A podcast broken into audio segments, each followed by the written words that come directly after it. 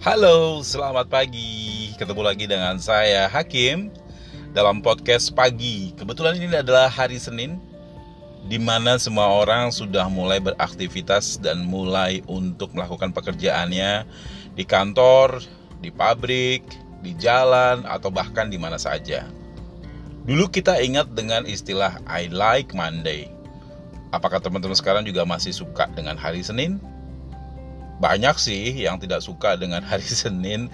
Cuma saya nggak paham ya kenapa kok nggak suka dengan hari Senin?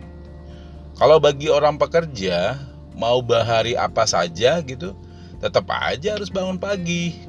Beraktivitas pagi dengan semangat ya dengan harapan bahwa hari itu akan menjadi berkah dan juga akan menjadi hari yang bermanfaat untuk dirinya dan orang lain Supaya kita bisa melakukan pekerjaan sehari-hari dengan baik, jangan lupa sarapan, minum kopi, atau apa pun yang bisa membuat perut terisi dan protein bisa mengalir ke otak.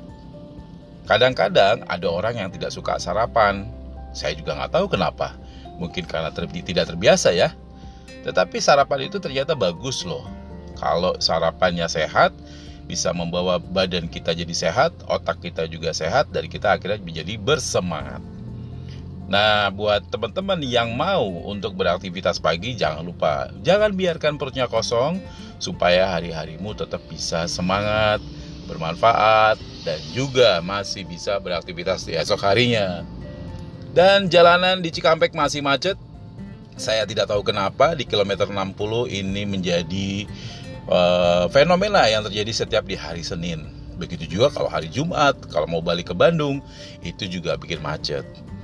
Apa pun yang terjadi dalam hidupmu, nggak usah terlalu banyak ngeluh, nggak usah terlalu banyak uh, mengendumel, tetapi jalanin saja. Ya, tetap semangat, tetap sehat, dan tetap bahagia. Saya Hakim, sampai ketemu lagi di podcast pagi yang lain. Dadah!